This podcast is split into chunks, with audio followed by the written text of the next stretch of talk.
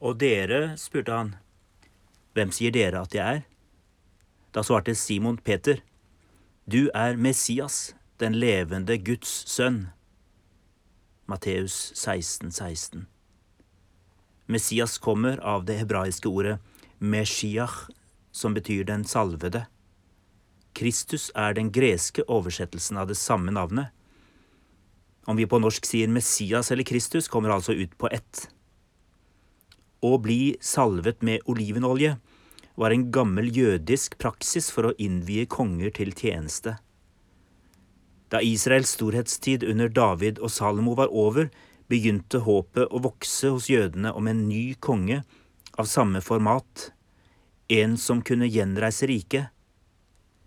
I tiden etter at jødene kom tilbake fra eksilet, steg Messias-forventningene til nye høyder. Ifølge profeten Mika skulle Messias herske fra hav til hav, men han skulle også være ydmyk og ri på et esel. Jesus oppfylte ikke helt forventningene. Det var litt som å pakke opp en julegave du har gått rundt og gledet deg til å få åpne, og så er det noe helt annet enn du ønsker deg. De trodde han skulle ta kongemakten og hive romerne på dør. Jesus var lite interessert i den type maktposisjon. Han var kommet for å frelse de undertrykte, men ikke som politiker.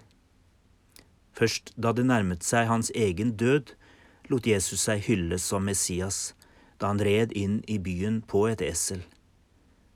På spørsmålet fra Pilatus om han var konge, sa han likevel, Min kongsmakt er ikke av denne verden.